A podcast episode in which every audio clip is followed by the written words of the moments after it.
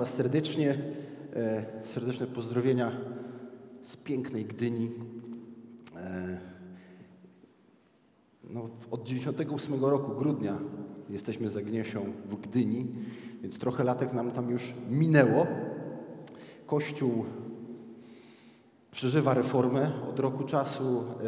E, podzieliliśmy Kościół na, na różne służby, dużo ludzi się zaangażowało, choć ciągle chcielibyśmy, żeby było więcej, więcej szukamy swojego jakiegoś lokum w ostatnim czasie, bo wynajmujemy cały czas.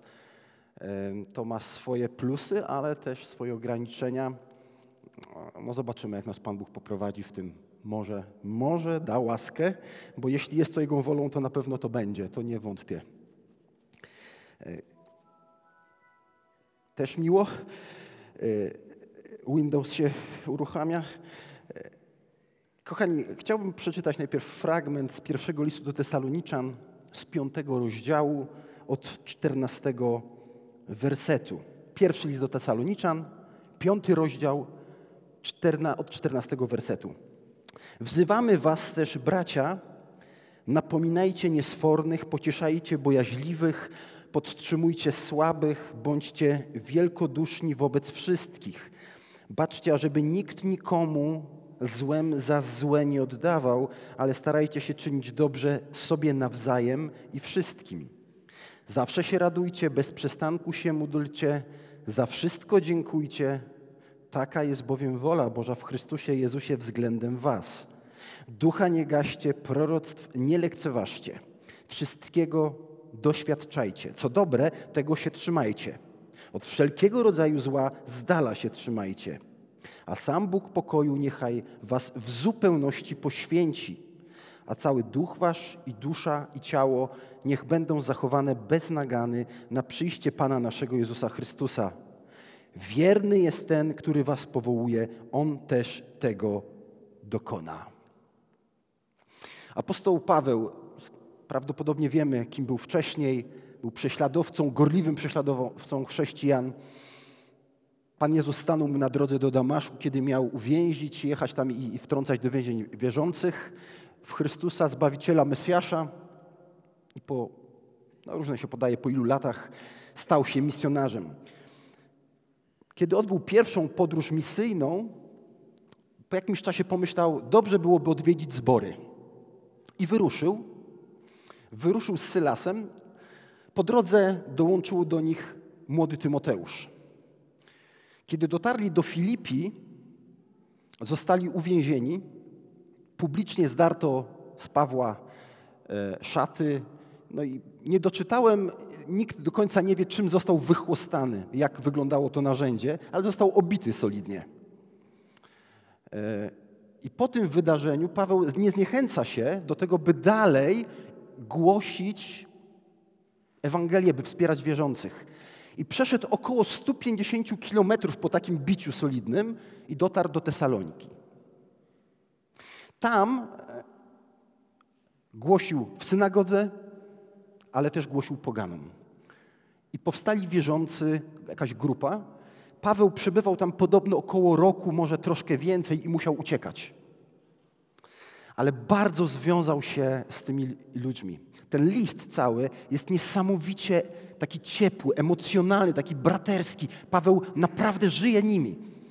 I tęskni do nich i chciałby ich odwiedzić, nie wiemy dlaczego nie może.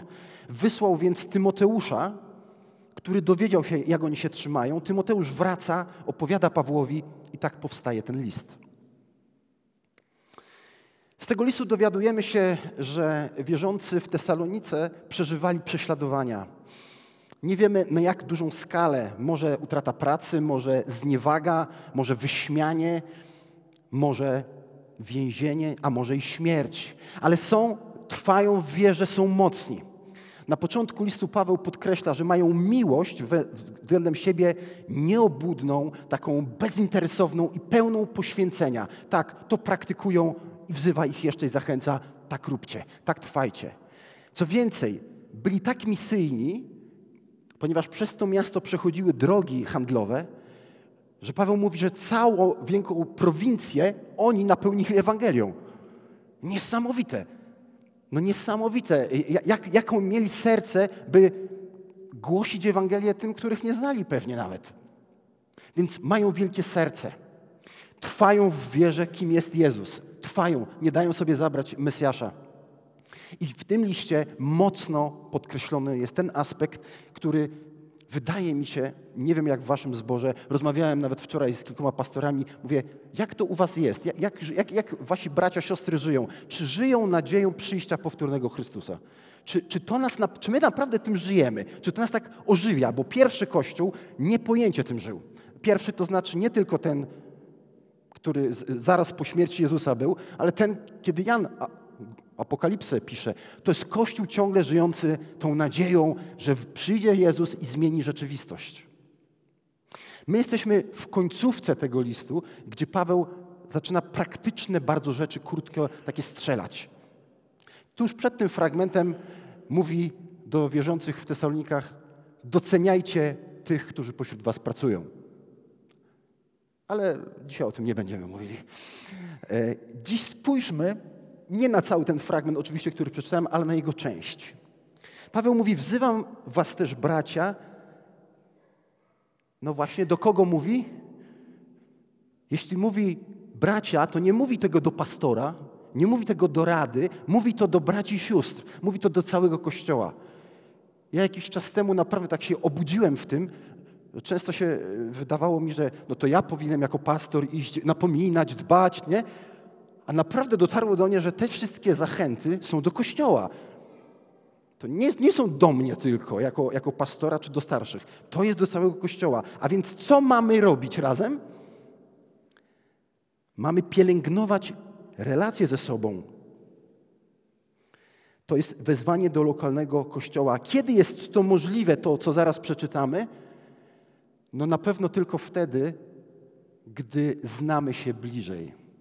Jeżeli przyjdziemy na nabożeństwo, wyjdziemy z niego, w życiu nie jesteśmy w stanie praktykować takich rzeczy, o których Paweł mówi.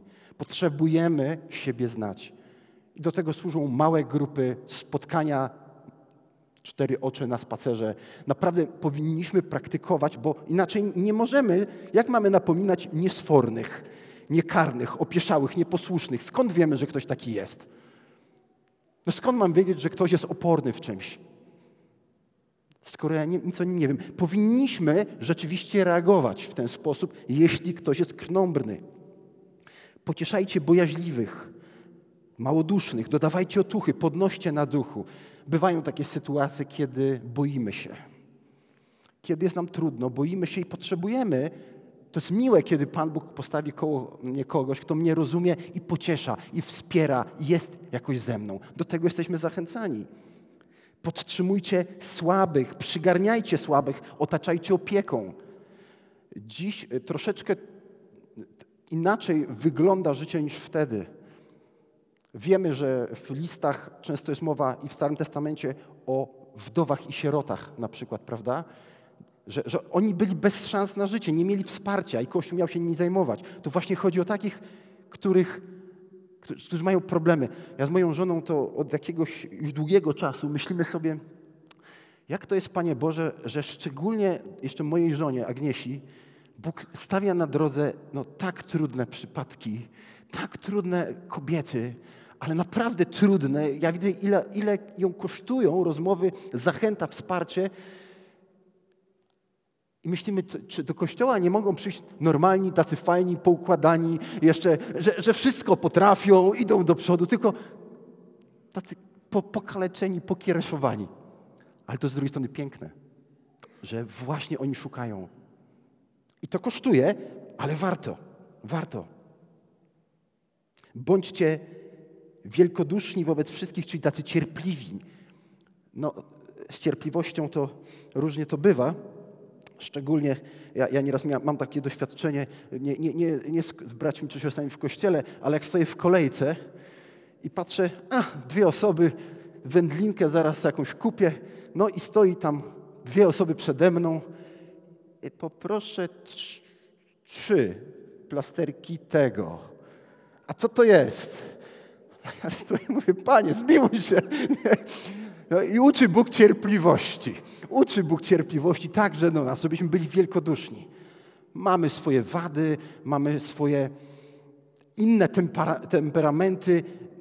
Denerwuje nas to nieraz we współpracy. Dużo teraz współpracujemy w takich e, e, grupach koordynatorów, którzy mają swoje zespoły. To jest naprawdę ciekawe doświadczenie, jak my jesteśmy inni i jak inaczej e, w ogóle funkcjonujemy, żeby to jakoś tak znieść w cierpliwości, że ten, ten brat czy siostra on też chce dobrze, ale jest inny, a mnie to denerwuje, to, to, jego inność.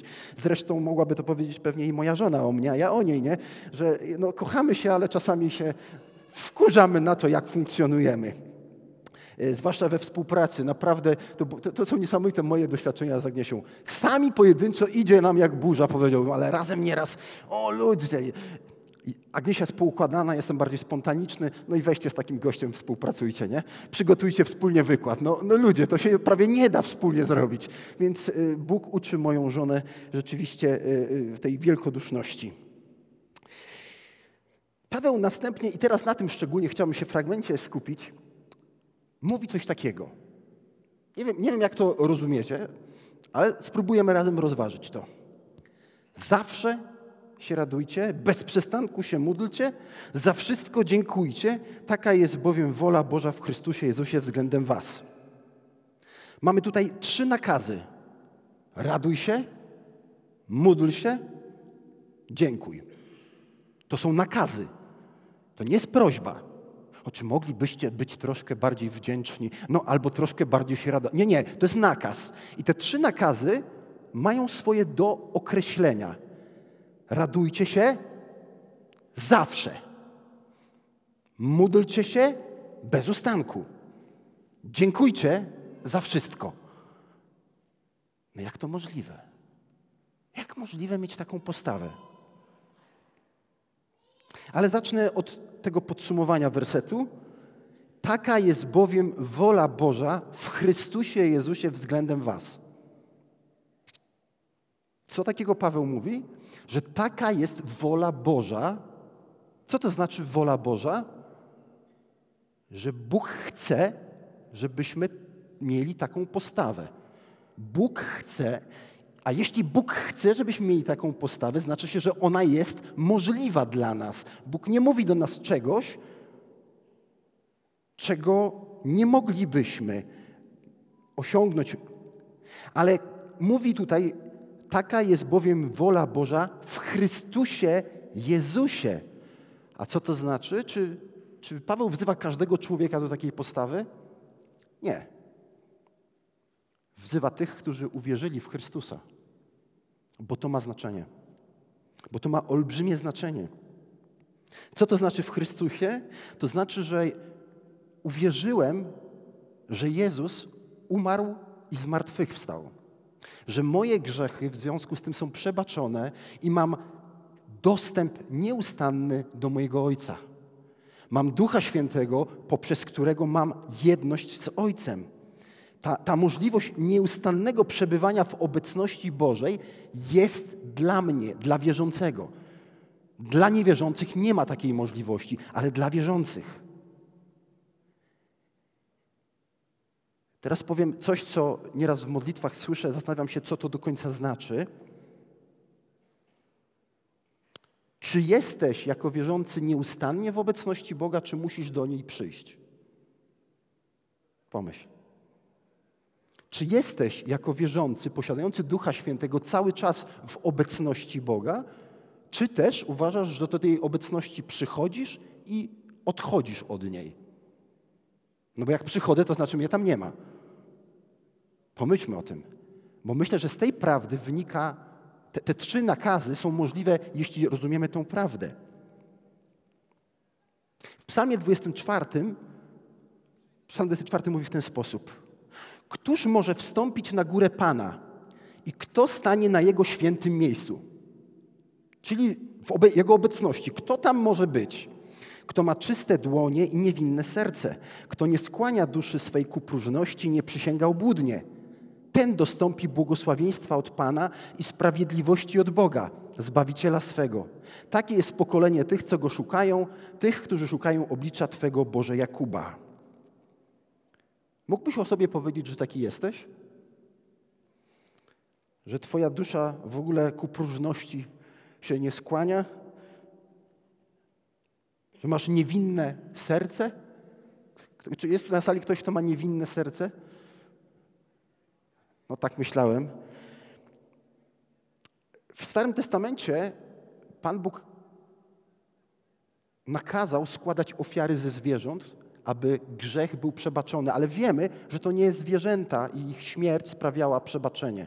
Bóg uczył, że karą za grzech jest śmierć i te ofiary oczywiście prowadzą nas do tego, który mógł rzeczywiście złożyć jedynie sensowną ofiarę.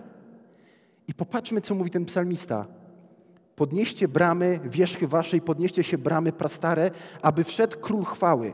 Któż jest tym królem chwały? Kto tam może wejść?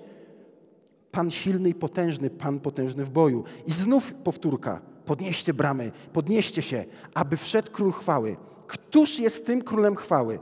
Pan zastępów. On jest królem chwały.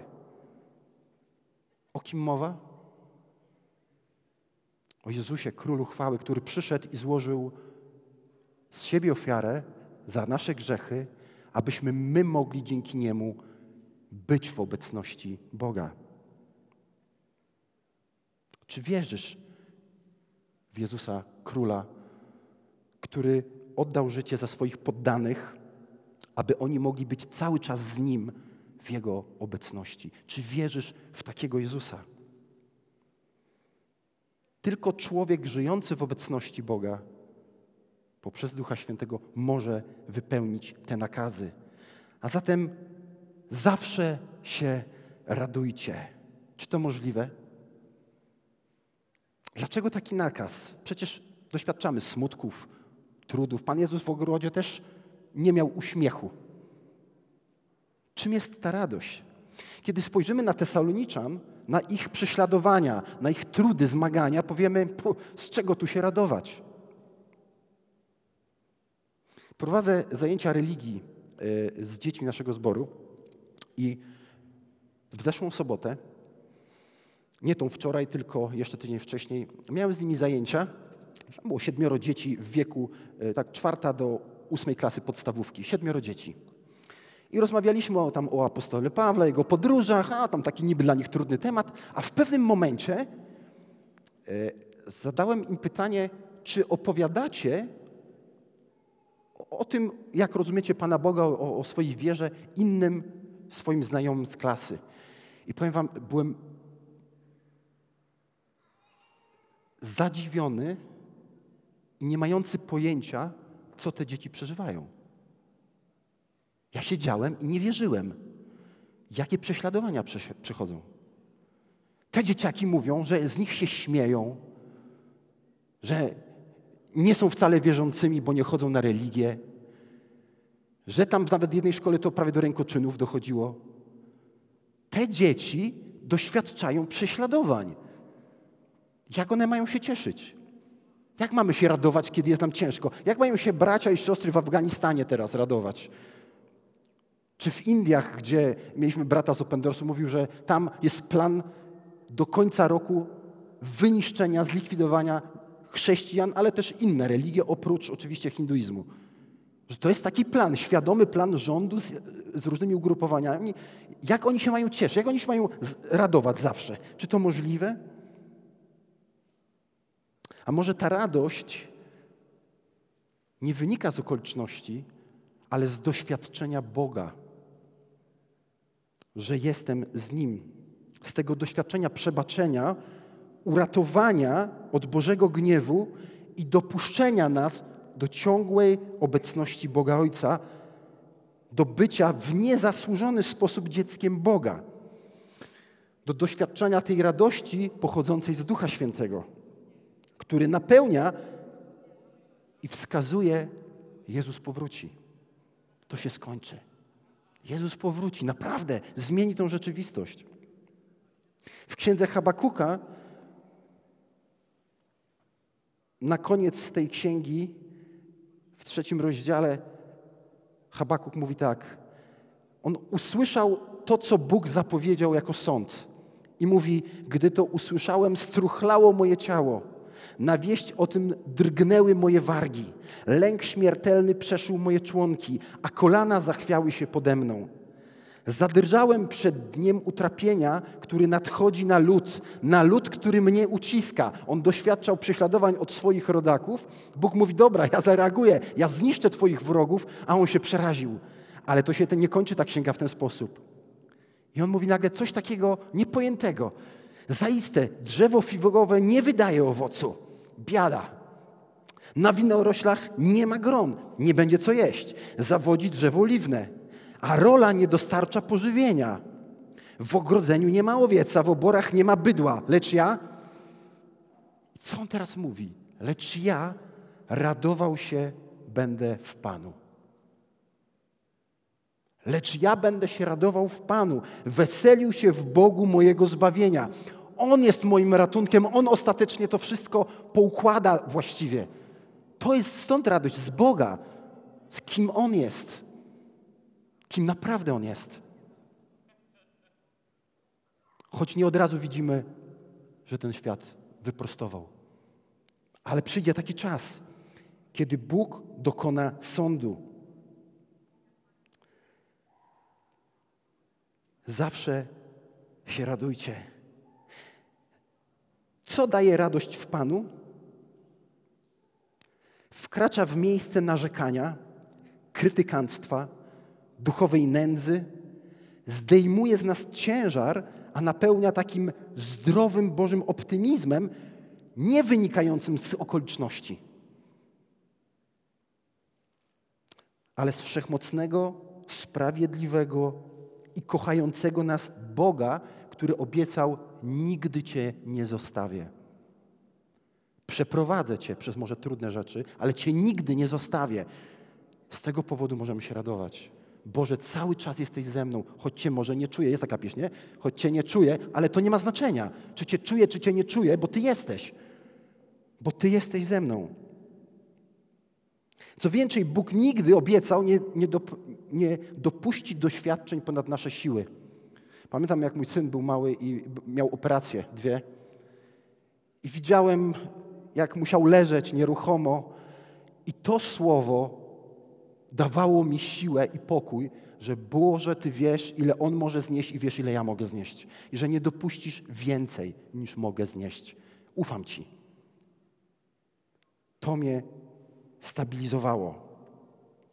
Że choć przyjdą może ciemne doliny, Bóg Cię przez nie przeprowadzi.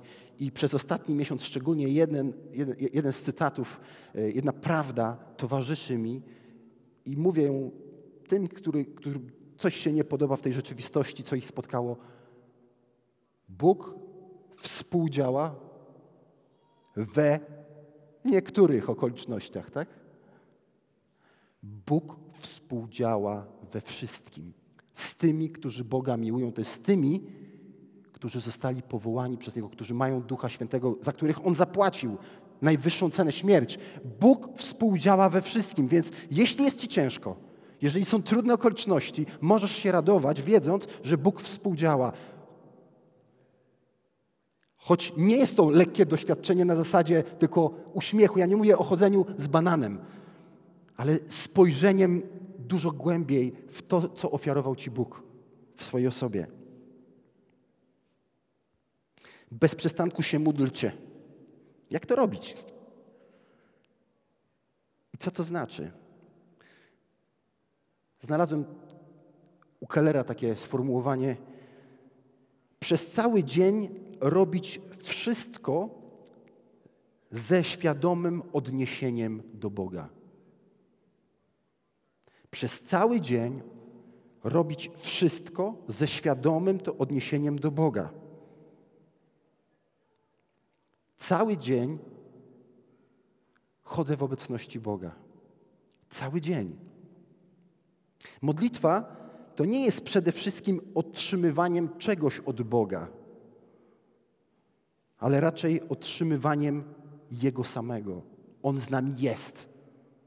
My często modlitwę rozumiemy jako prośbę, może dziękczynienie, ale tu chodzi o to, że modlitwa jest to bycie cały czas w obecności Boga. Cały czas odnoszę się do Niego. Moje życie jest wypełnione Nim.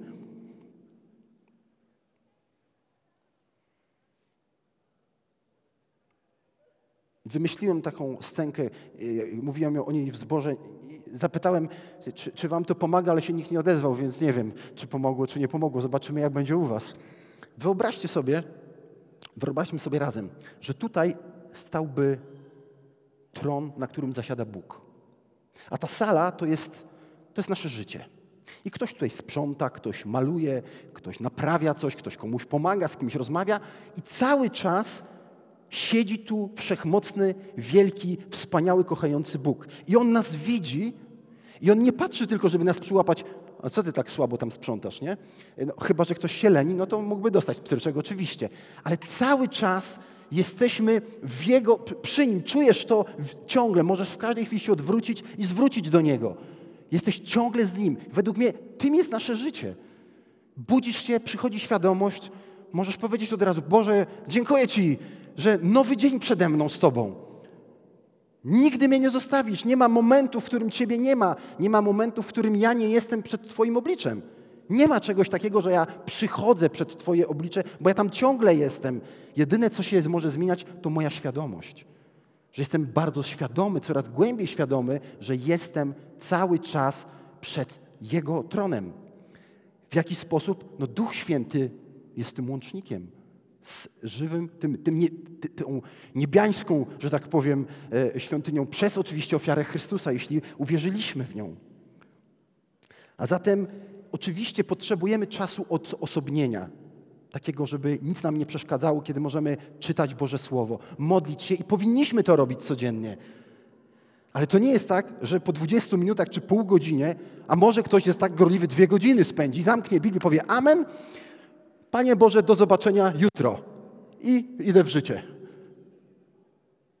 My cały czas jesteśmy z Bogiem. Słuchajcie, to jest naprawdę rzeczywiste, to jest prawdziwe, że Bóg cały czas z nami jest. On nie znika. Duch Święty nie wychodzi z nas i potem, a to wrócę jutro, jak się będziesz modlił. Cały czas mamy kontakt z Ojcem i możemy świadomie wielbić Go. Idziesz do pracy, może coś robisz możesz powiedzieć, Boże, dopomóż mi, bo jesteś świadomy, że jesteś cały czas z Nim. Albo możesz podziękować, dziękuję Ci, że mi pomogłeś, Panie, że wpadłem na ten pomysł. To nie chodzi o to, że ciągle myślę tylko o Bogu, ale żyję w świadomości, że On jest. Tak można nieustannie się modlić właśnie. Ostatnia kwestia, za wszystko dziękujcie. Dziękczynienie w każdej sytuacji, w każdych okolicznościach, a nie narzekanie. Czy to możliwe? Znów, dla... ktoś kiedyś powiedział, że Twoja modlitwa wygląda tak, jak postrzegasz Boga. Kim dla Ciebie jest Bóg, to tak wygląda Twoja modlitwa. Jeżeli współdziała we wszystkim, to dlaczego masz mu nie podziękować za to doświadczenie, choć może nie rozumiesz, czemu tak się dzieje i dokąd to prowadzi?